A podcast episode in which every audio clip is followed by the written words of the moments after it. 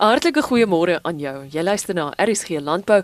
Hierdie program word ondersteun deur die Wes-Kaapse Departement van Landbou en my naam is Eloise Pretorius. Dis 100 en 104 FM, dis waar jy vir RSG kry en op www.rsg.co.za wêreldwyd aanlyn. Mariet Kotse sluit by my aan vanoggend. Sy is operasionele bestuurder van Hotgrow. Dit is heerlik om jou op hierdie program te hê. Baie welkom. Môre Eloise, baie dankie vir die geleentheid. Dis lekker om saam met jou te gesels vanoggend. Hoe sou jy Hortgrow verduidelik aan iemand?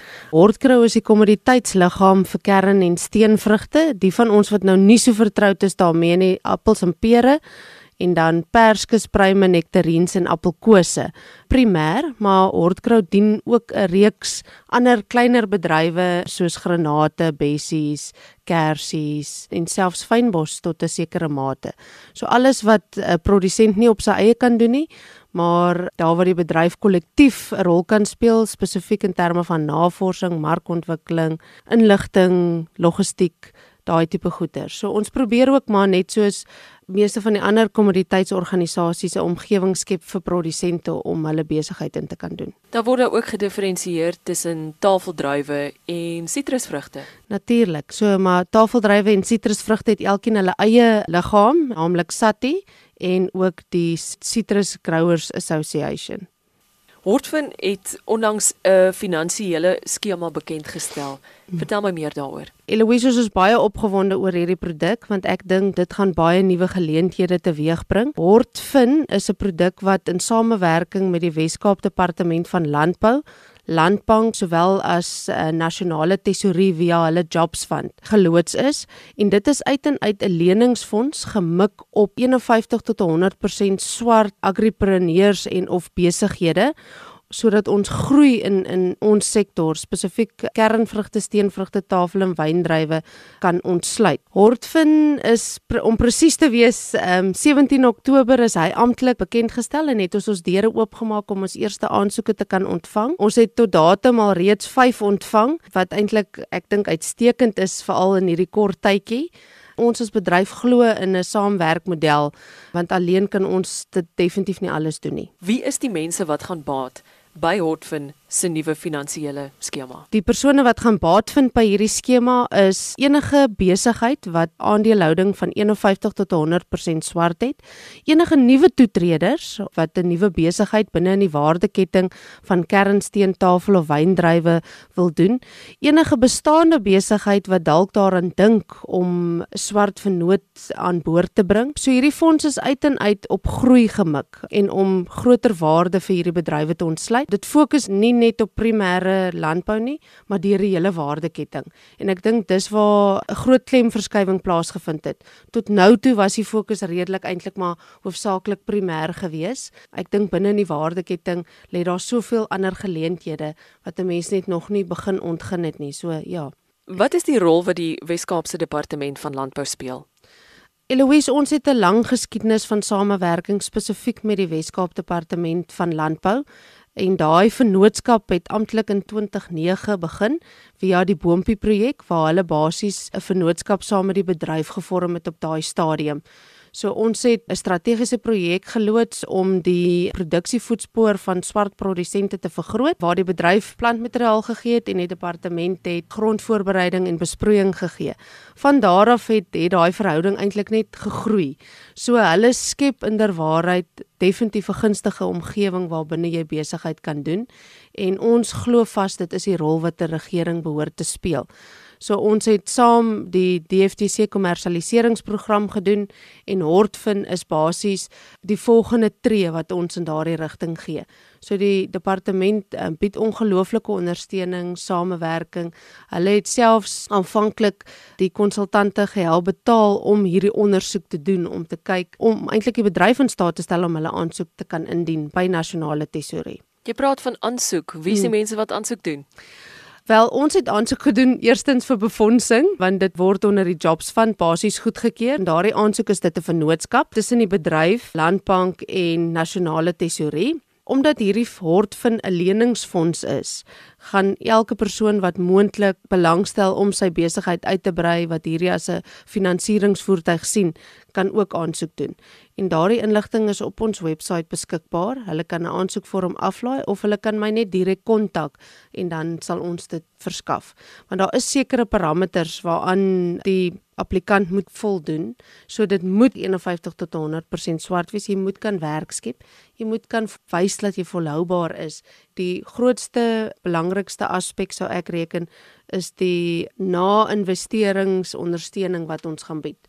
So tegnies, bemarking, besigheidsvaardigheidsontwikkeling, regtige pad te loop saam met hierdie besighede om seker te maak dat die boustene, die fondasie gesond is en dat hulle kan groei om volhoubaar te wees. Waar kry mense aanlyn hierdie inligting, Mariet? So jy kan gaan na www.hortgrow.co.za en dan kan jy net kyk onder ekonomiese ontwikkeling. Ek dink dit is inclusive growth. Die laaste enetjie sê Hortfin en al die nodige inligting wat met Hortfin verband hou is daar. Watter voordele hou dit in vir die man op straat? Die eerste voordeel is dat mense wat normaalweg nie toegang sou hê tot finansiering nie, nou toegang kan hê tot finansiering en dit was deel van die hele argument reg van die begin af om te sê daar's 'n segment in Engels verwys ons sommer na 'n missing middle wat nie tans gefinansier word nie weens 'n verskeidenheid van baie goeie redes. So hierdie gee daai geleentheid om om te gaan kyk na 'n sektor wat nog van tevore glad nie eintlik bedien is nie. En daardeur gaan ons basies ons landbou sektor spesifiek in die Wes-Kaap, hierdie is 'n nasionale program, maar ons gaan ons ons vrugtebedrywe gaan ons groei. Met ander woorde in diensneming gaan ons groei die waarde wat in die land en in landbou belê word gaan ons verhoog. So hopelik sal dit kan bydra tot minder werkloosheid, meer ekonomiese groei en stabiliteit wat ons nodig het in ons sektor. Ek dink is belangrik om te sê dat Hortfin is nie daar om die kommersiële sektor te vervang nie. Ek bedoel daai kommersiële sektor het 'n belangrike rol om te speel. Op hierdie stadium dink ek weens weer eens baie goeie redes is dit net nie moontlik vir die kommersiële sektor om in daai spasie te beweeg nie. So ons soek vennote. Ons wil graag saamwerk al is dit met die kommersiële sektor ook want dit klink na baie geld, 600 miljoen rand, maar in die groter skema is dit eintlik ook maar net 'n druppel in die emmer in vergelyking met die behoefte wat aangespreek moet word. Ek dink dit is belangrik om te sê dat Hortfin is nie daar om enigiets te vervang nie. Dit is uit en uit gemik op groei om nuwe geleenthede te ontsluit en om agripreneurs die geleentheid te gee om in hierdie spasie te speel. Mariet Kotse is die operasionele bestuurder van Hotgrow en vanoggend my gas op RSG Landbou. Baie dankie vir die heerlike gesels en sterkte vir 2019 Mariet. Ag baie baie dankie Eloise en vir julle ook. Dr Dirk Troskie is direkteur besigheidsbeplanning en strategie by die Wes-Kaapse Departement van Landbou. Ek wil by hom weet, waarom laat die departement evaluasies doen deur buitepartye en wat is hulle benadering? Ons moet 'n onderskeid maak tussen jou politieke amptbekleers en jou amptenare waarvan ek nou amptenaar is. Daai mandaat wat die politici dan kry, moet ons as amptenare moet daai mandaat gaan implementeer. En hoe dit in die praktyk werk is 'n mens sal gaan en sê hoor hierso, maar daar is 'n spesifieke behoefte daar. Daai behoefte moet dan omgeskep word in aksie, so daar's 'n ontwerp van wat hierdie aksie gaan wees. Dan moet daar insette gekry word. Daardie insette lei tot 'n aantal aktiwiteite.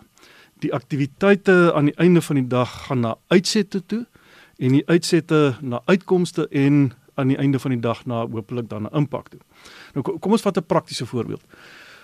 Ons weet soos ons hierso sit dat net 40% van die mense in Kailicha het laas jaar gesê hulle die heel jaar lank genoeg kos gehad om te eet. Net 40%. En dit in 'n provinsie wat 'n oorskot het van kos en wyn en vrugte en melk. Van al dit het ons 'n oorskot. Maar daar in 'n sekere area is daar mense wat sê hulle ly honger. Nou wat kan ons nou doen as departement van landbou? Daar's verskillende goed wat ons kan doen.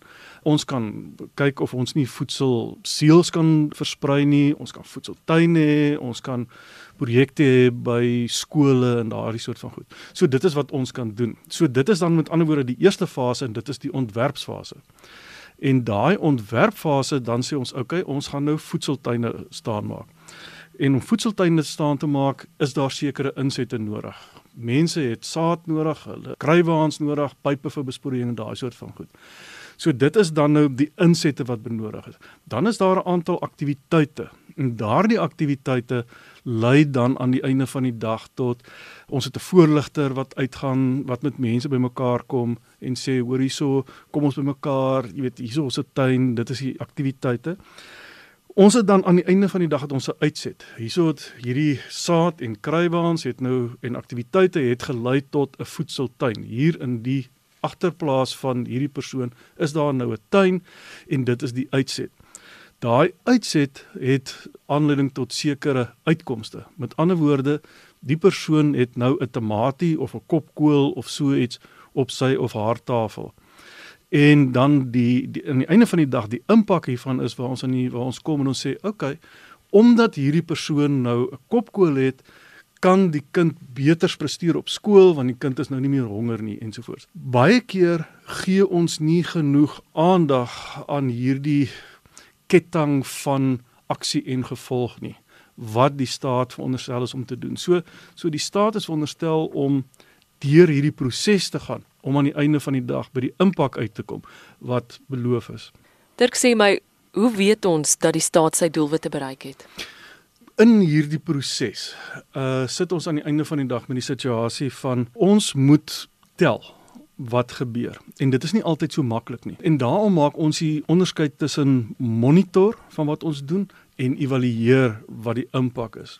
So met ander woorde, ons sal in hierdie lys van prosesse wat ek beskryf het, as ons sê ons gaan sekere impakte meet, dan kan ons dit maklik doen. Ons het sê ons wil aantal voedseltuine wil ontstaan maak. So ons kan tel hoeveel kruiwaans het ons gekoop, ons kan tel hoeveel voedseltuine ons staan gemaak het ensovoorts. So dit is maklik om jou insette en jou aktiwiteite en jou uitsette te meet want dit dit is iets wat 'n mens fisies kan tel en jy kan dit aan 'n adres of 'n GPS koördinaat koppel. Wanneer 'n mens begin om te kyk na goed soos jou uitkomste en impakte, is dit minder maklik om dit te doen.